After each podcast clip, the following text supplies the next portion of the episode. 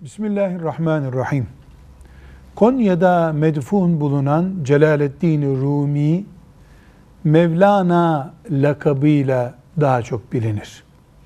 Mevlana bizim Mevlamız diye tercüme edilebilecek bir kavramdır. Müslüman insan Mevlam dediğinde Allah'ı kasteder. Bizim Mevlamız Allah'tır demektir. Mevlamız. Kur'an-ı Kerim'de Bakara suresinin son ayetinde Allahu Teala ente mevlana der kulları diye işaret ediyor. Sen bizim Mevlamızsın.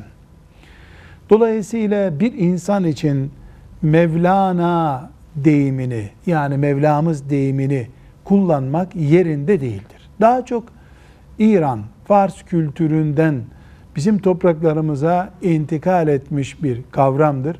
Kullanılmamasını tercih ederiz ama bazı yanlış kullanımlar doğrudan daha güçlü olabilmektedir.